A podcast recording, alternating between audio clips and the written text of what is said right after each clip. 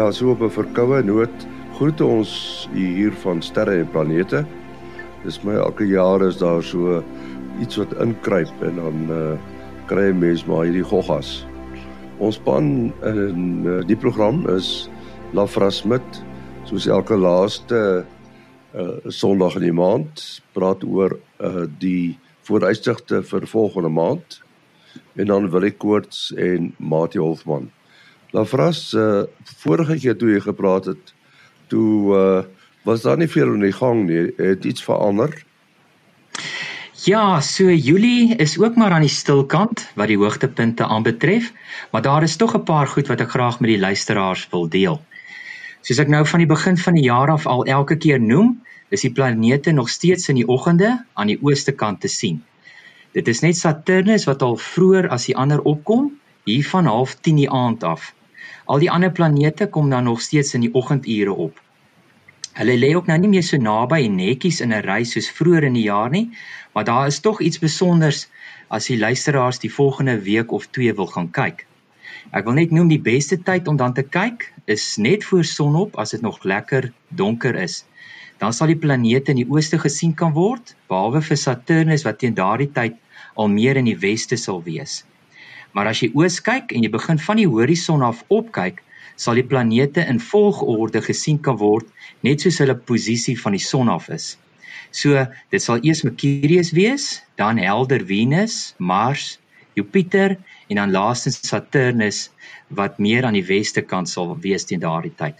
So al die planete wat ons met die blote oog kan sien, sal vir die eerste week van Julie of so nog mooi in die oggende gesien kan word. Mercurius beweeg dan soos altyd weer vinnig terug in die son se gloed in en jy sal ook opmerk dat Venus deur die loop van die maand dieselfde doen. Omdat Venus nader aan die son is as die aarde, vat dit ons verby in die binnebaan en sal teen die einde van die maand agter die son begin inbeweeg. Hier einde Augustus September maand sal dit dan agter die son uitkom en dan weer in die weste net na son onder gesien kan word as die aandster.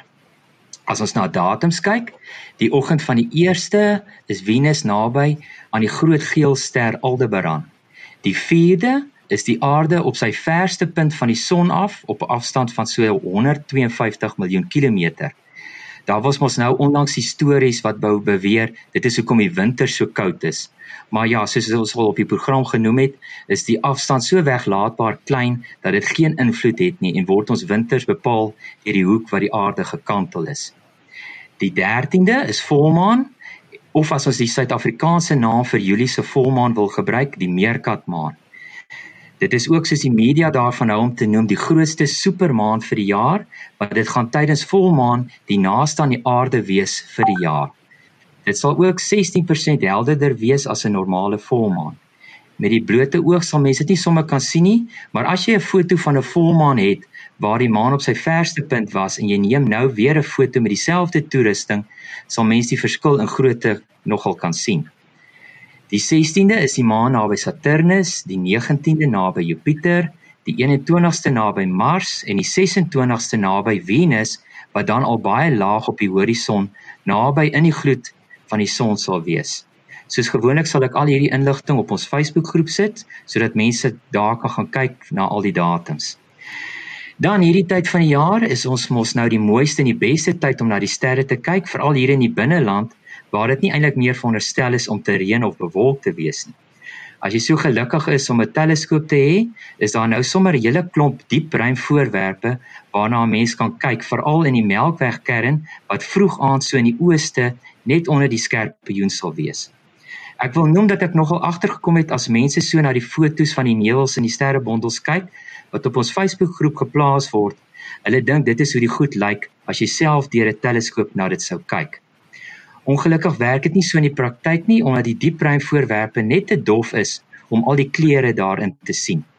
Gewoonlik lyk dit na 'n wit waserige voorwerp en eers as 'n mens 'n lang beligte foto neem en meer lig die kamera se sensor bereik, jy dan eers meer kleur en detail in die foto kan sien. So moenie in die toekoms verwag as jy deur 'n teleskoop na byvoorbeeld die Carina nevel kyk, dit gaan lyk soos op die fotos nie. Dit lyk dalk nie so indrukwekkend nie, maar tog nog steeds besonder om dit met jou eie oë te kan sien. So ja, dit is wat Julie se hoogtepunte betref. Geniet dit en lekker opkyk almal. Daar's dit, dankie Lafras.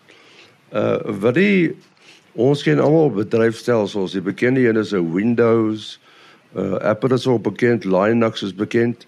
Ons het hier 'n vraag van Andre Lourens en hy wil weet watter bedryfstelsel word in die ruimte gebruik. Ja, Andre is doodreg as hy sê dis nie Windows nie. Ehm um, Windows is natuurlik nie 'n intydse stelsel nie. Uh in Engels praat ons van 'n real-time system en en dit is die heel belangrikste wat jy nodig het vir 'n bedryfstelsel van 'n ruimtetuig. Jy wil nie wag vir enige iets nie as iets nou wil aandag hê nodig het of iets moet nou gebeur op hierdie oomblik dan moet daardie uh, dan moet die bedryfstelsel nie eers besig is wees om gou-gou sy uh, sy harde skyf te organiseer of uh, allerhande sulke snaakse goeders. Ons weet mos Windows uh, jy werk nog so lekker nie vir 'n oomblik besluit die rekenaar nee hy gaan nou eers 'n bietjie sy huiswerk doen en en hy ignoreer jou vir 'n ruk so uh, so dit is die een kritiese ding vir alle bedryfstelsels wat op ruimtetuie gebruik word is dit moet intyds wees. Um nou uh ons het eintlik laasweek daaraan geraak en dis miskien ook wat die vraag by hom opgebring het toe ons gepraat het oor die Voyagers en en ons het 'n bietjie gewonder oor die verskillende um uh, bedryfstelsels en so. En interessant genoeg um 'n uh, gereelde luisteraar met naam van Pieter Lou het uh, uh ons het lekker lank gesels oor WhatsApp oor die verskillende goeders want hy's ook soos ek ons kom hoe in die ou tyd toe ons nog al die ou stelsels kan onthou en ons het gewonder oor wat die verskillende stelsels is en en ons het toe byvoorbeeld gesien dat die Voyagers gebruik dieselfde bedryfstelsel wat hulle op die Viking uh, Mars landers gebruik het. Um en en uh En as jy nou mooi gaan kyk dan kan jy sien dit is dieselfde era toe die Apollo, Apollo ruimtetuie gevlieg het. En en um en later het Skylab gevolg en en nou ook die pendeltuig.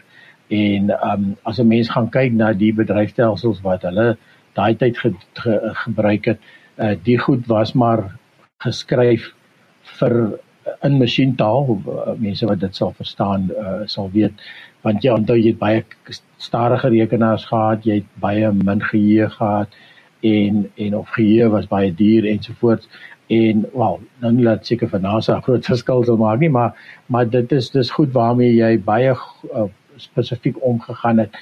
Um deesdae se se bedryfstelsels uh, uh, of as jy programmeer dan uh, genereer jy wat ons noem fatware. Jy weet so jy jy jy trek die program sonder dat jy eers weet daarvan trek 'n klomp proteïnetjies in en wat kan en en uiteindelik uh, wil jy net 'n liggie aan en afskakel jy het 'n program wat massief groot is en as jy dit nou in masjientaal doen dan kan jy dit in 2 of 3 lyne doen.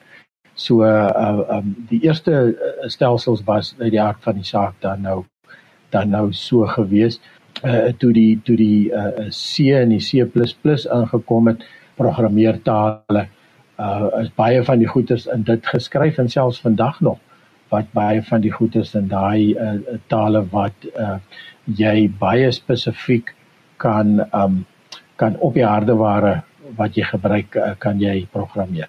In die 1990s het daar 'n behoefte gekom om om 'n bedryfstelsel uh, te ontwikkel waar by jy net so baie hoef te konsentreer en jy moet alles elke keer die wiel weer heruitvind nie. En hulle het natuurlik uh, dis nou 'n buitefirma gewees en op die ou end het hulle 'n uh, 'n uh, program met die naam van VX Works uh, uh V en 'n klein X en dan Works. En hulle dit begin in gebruik stel uh, uh en dit was getoets op die oorspronklike Clementine uh, sending gewees en en dit het dit self daar bewys en en nou kan die ontwikkeling van die sendings eintlik baie vinniger gebeur en en die maat Pathfinder het het gevolg, Mars Pathfinder. Ehm um, en en uh, dit was ook suksesvol behalwe dat net na die Pathfinder geland het, het uh, die rekenaar skielik gereboot. Hy sommer sonder dat hulle bedoel het enigiets moet gebeur en en dit was so half krities gelukkig het dit nie daarom nie die sending um uh, in gevaar gestel nie. So daar gelukkig het, het daar nie groot probleme gekom nie. Natuurlik die WS Works uh uh, uh mense wat die program voorsien het het het onmiddellik aan die werk gespring om te kyk en hulle moes diep grawe. En eers het hulle 'n 'n bug goggaatjie gekry wat hulle so 18 uur gevat het amper sal ek sê dag en nag om om om in om deur al hierdie goeders te werk en te sorteer en en uh dit het toe nou natuurlik uit die aard van die saak weer vertroue in die in die program uh gekry en die sagte ware en dan vir die volgende dekade het dit wees works toe nou nog steeds die uh die verstek program geword wat wat NASA JPL gebruik.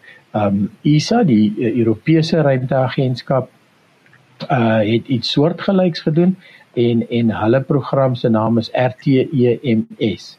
Ek weet nie of jy afkorting is wat jy om beter sê nie. Uh, RTEMS en ehm um, dit is 'n bedryfstelsel wat wat dateer uit die uit die geleide missiel daai hulle 'n militêre stelsel wat toe nou oorge, oorge, oorgekom het na na die ruimteagentskap en en uh, uh baie sukses hulle daarop gestandaardiseer en en al die programme wat hulle al die sendinge wat hulle gehardloop het het het nog omtrent hierdie stelsel gebruik.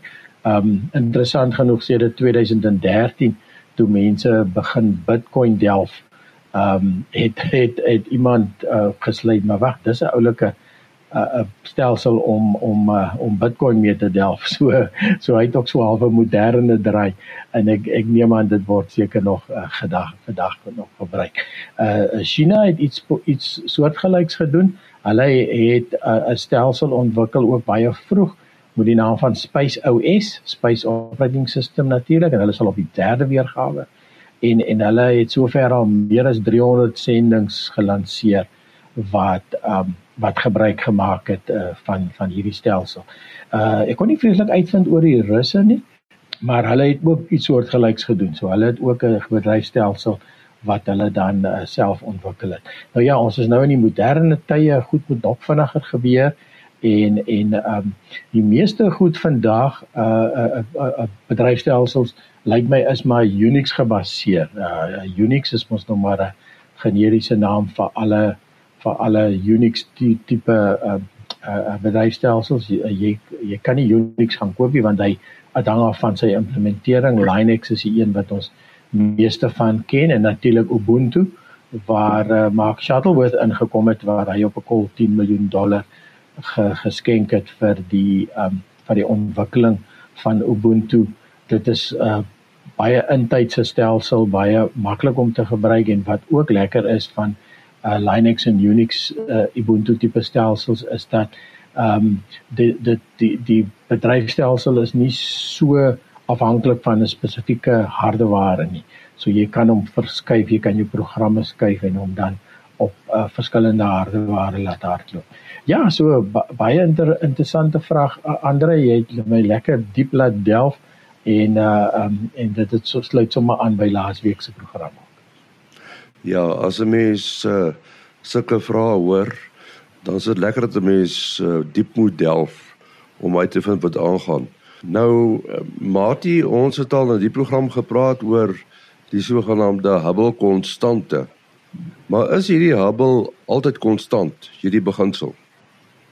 Die Hubble konstante verwys dan na die eh, tempo van uitdaging van die heelal uh soos op 'n bepaalde stadium in die kosmiese geskiedenis uh waargeneem. En nou is die vraag hoe stem verskillende metodes om die Hubble konstante te meet? Hoe stem dit of ooreen of hoe verskil dit? Nou daar's basies twee belangrike metodes. Die een maak gebruik van die uh die plank uh data. Die plank verwys nou na 'n satelliet wat dan met in groot detail die mikrogolf agterstraling uit die oerheelal waargeneem het en dan spesifiek uh die manier waarop die temperatuur wat deur hierdie straling weerspieël word wat nou uh die basies die temperatuur in die heelal uh ver van af warm voorwerpe is. Dit is die temperatuur van die straling wat die hele deel al uh vul en wat oorgebly het uh uit die oerknal uh wat dan die die verstaan daarvan is dat die geweldige straling die hele heelal gevul het en soos die heelal uitgedui het het die uh heelal afgekoel. 'n uh, ander manier om dit te sien soos wat die ruimte in die heelal gerek het, het die golflengtes gerek en daardie golflengtes lê nou in die mikrogolfgebied van die elektromagnetiese spektrum. Uh, en dit is hier ongeveer by minus 270 grade Celsius. Uh maar daai temperatuur as jy nou oor die hemelkoepel kyk is nie absoluut konstant dit is baie konstant maar baie klein variasies en dit verander op 'n sekere manier wat met die kosmologiese modelle uh bestudeer kan word en dit is nou nie maklik om dit te verduidelik nie maar uh hulle kom by 'n uh, uit die modelle uit by 'n uh, Hubble konstante van so ongeveer 67 km per sekonde per megaparsec uit. Uh nou wel dis nou ons uh, ons nou net te steur aan die aan die getal 67 daar, maar dis basies dan 'n uh, aanduiding uh van hoe vinnig uh die uh, uh die heelal uh, dan op 'n stadium uh, uh bepaalde stadium in sy geskiedenis uh, uitgedui het. Nou die ander metode maak gebruik van die afstand van hemelliggame bepaal en om 'n grafiek te teken van hoe daardie uh afstand verband hou met die spoed waarteen daardie voorwerpe van ons uh wegbeweeg as gevolg van hierdie hierdie uitdaging. Die een kan deur die rooi verskywing gemeet kan word en die ander een het die afstand nodig. Nou die akkuraatste uh uh, ware wat nou onlangs uh, bepaal kan word gee 'n getal van 73 km per sekonde per megaparsec. So daai 73 vergelyk ons nou met die 67, so dit gee ongeveer 10% verskil en al twee metodes het volgens hulle eie aannames 'n uh, baie akkurate bepaling gedoen uh, wat jy nou met die metodes wat jy nou die onsekerheid in jou meting uh, kan bereken tot weet op ongeveer 1% akkuraatheid is. So daai onsekerheid uh in die wat die as met meting geassosieer is is baie kleiner as die verskil tussen die twee uh twee getalle en dit is basies 'n soort van 'n krisis 'n diep misterie of kwelling in die kosmologie en soos wat die twee metodes se akkuraatheid uh elkeen beter en beter geraak het, het hulle gehoop die verskil gaan kleiner word, maar dit het nie. Uh dit lê uh, dan daar ongeveer 10% van mekaar af en hoe die uitsluitsel daarvan dit sal ons dan nog moet leer. Miskien is die fundamentele aannames van een of albei van die twee metodes nie akkuraat genoeg nie. Maar kom ons fokus nou net eers op die een wat ons nou die maklikste kan verstaan. En dis nou wat met die Hubble teleskoop uh, uh verkry word. Nou hulle het oor die hele tydperk van die Hubble teleskoop wat nou al meer as 30 jaar werk, het hulle eers uh Cepheid wisselsterre gesoek wat 'n belangrike afstandmerker in die in die in die sterrehemel is en verder het hulle vir groter afstande as wat die Cepheids ons in staat stel, het hulle gaan kyk na supernovas wat hulle weet 'n sekere soort supernova wat hulle weet hoe helder hulle regtig is, uh teenoor hoe helder hulle lyk. Nou met die uh, as ons nou die belangrikste afstandmetings dan vat, dan is dit nou die driehoeksmeting wat die mees direkte is wat tot op ehm um, 'n klompie duisend ligjare, so 3000 uh ligjare, miskien 'n bietjie meer uh, ja met die uh, met die Gaia metings kan hulle nou tot op ongeveer 300 000 ligjare die gewone driehoeksmeting metode uh uh, uh akkuraat meet. En dan is daar die Cepheid wisselsterre uh wat dan tot so 80 miljoen ligjare uh, kan gaan so dit is nou afstande ver buite ons Melkweg terwyl die driehoeksmeting metode is beperk tot ons Melkweg. En dan kom ons by die supernova metode wat so tot by 3 biljoen ligjare gaan. Omdat hulle nou met die supernova metode nou baie verder kan meet, kan dit akkurater Hubble konstante metings moontlik maak want jy kan oor 'n groter deel van die heelal dit meet. En oor 30 jaar het hulle met die Hubble teleskoop 43 van hierdie supernovas kon identifiseer. So dit is 'n groot werk, dit is 'n 'n lewenswerk van van die teleskope as ons dit so kan stel.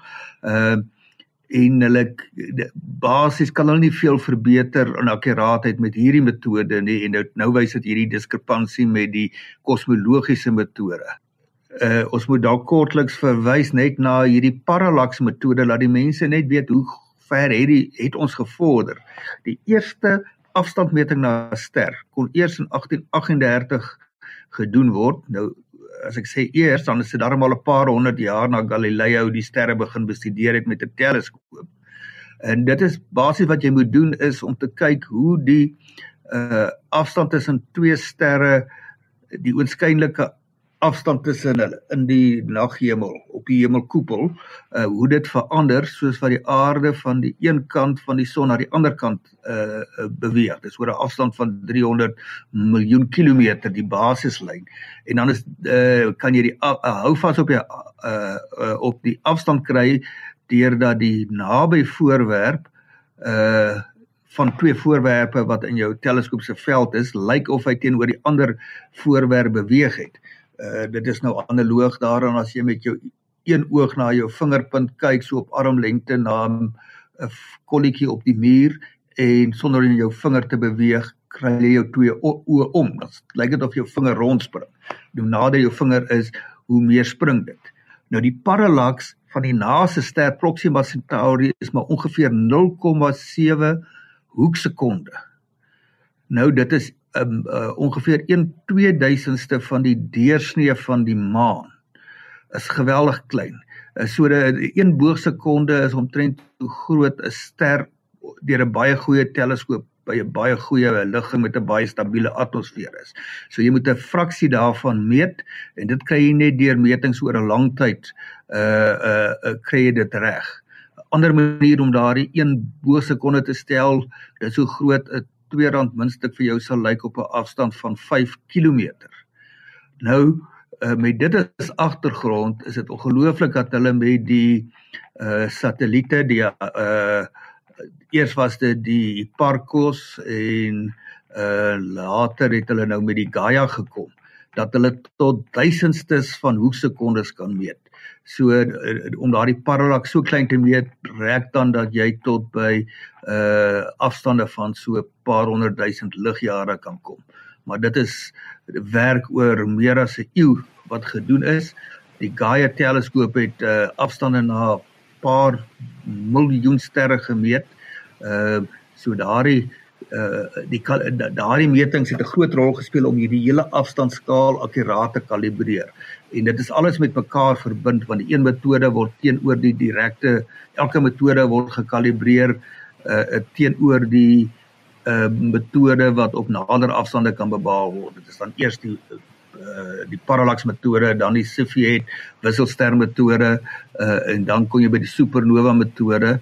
Uh so uh in in ons sterre en planete boekie het ek 'n uh, redelike deel van 'n hoofstuk daaraan gespan uh, gespandeer uh en dit mooi opgesom so die luisteraars wat die boekie het kan gerus 'n bietjie in die uh hoofstuk gaan lees. Dis daar so, ek dink omtrent die laaste hoofstuk in die boek. Ja, ons moet al troep daar. Uh Mate jou besonderhede. 'n Selfoonnommer 0836257154. 0836257154. Wat is? Is 0724579208.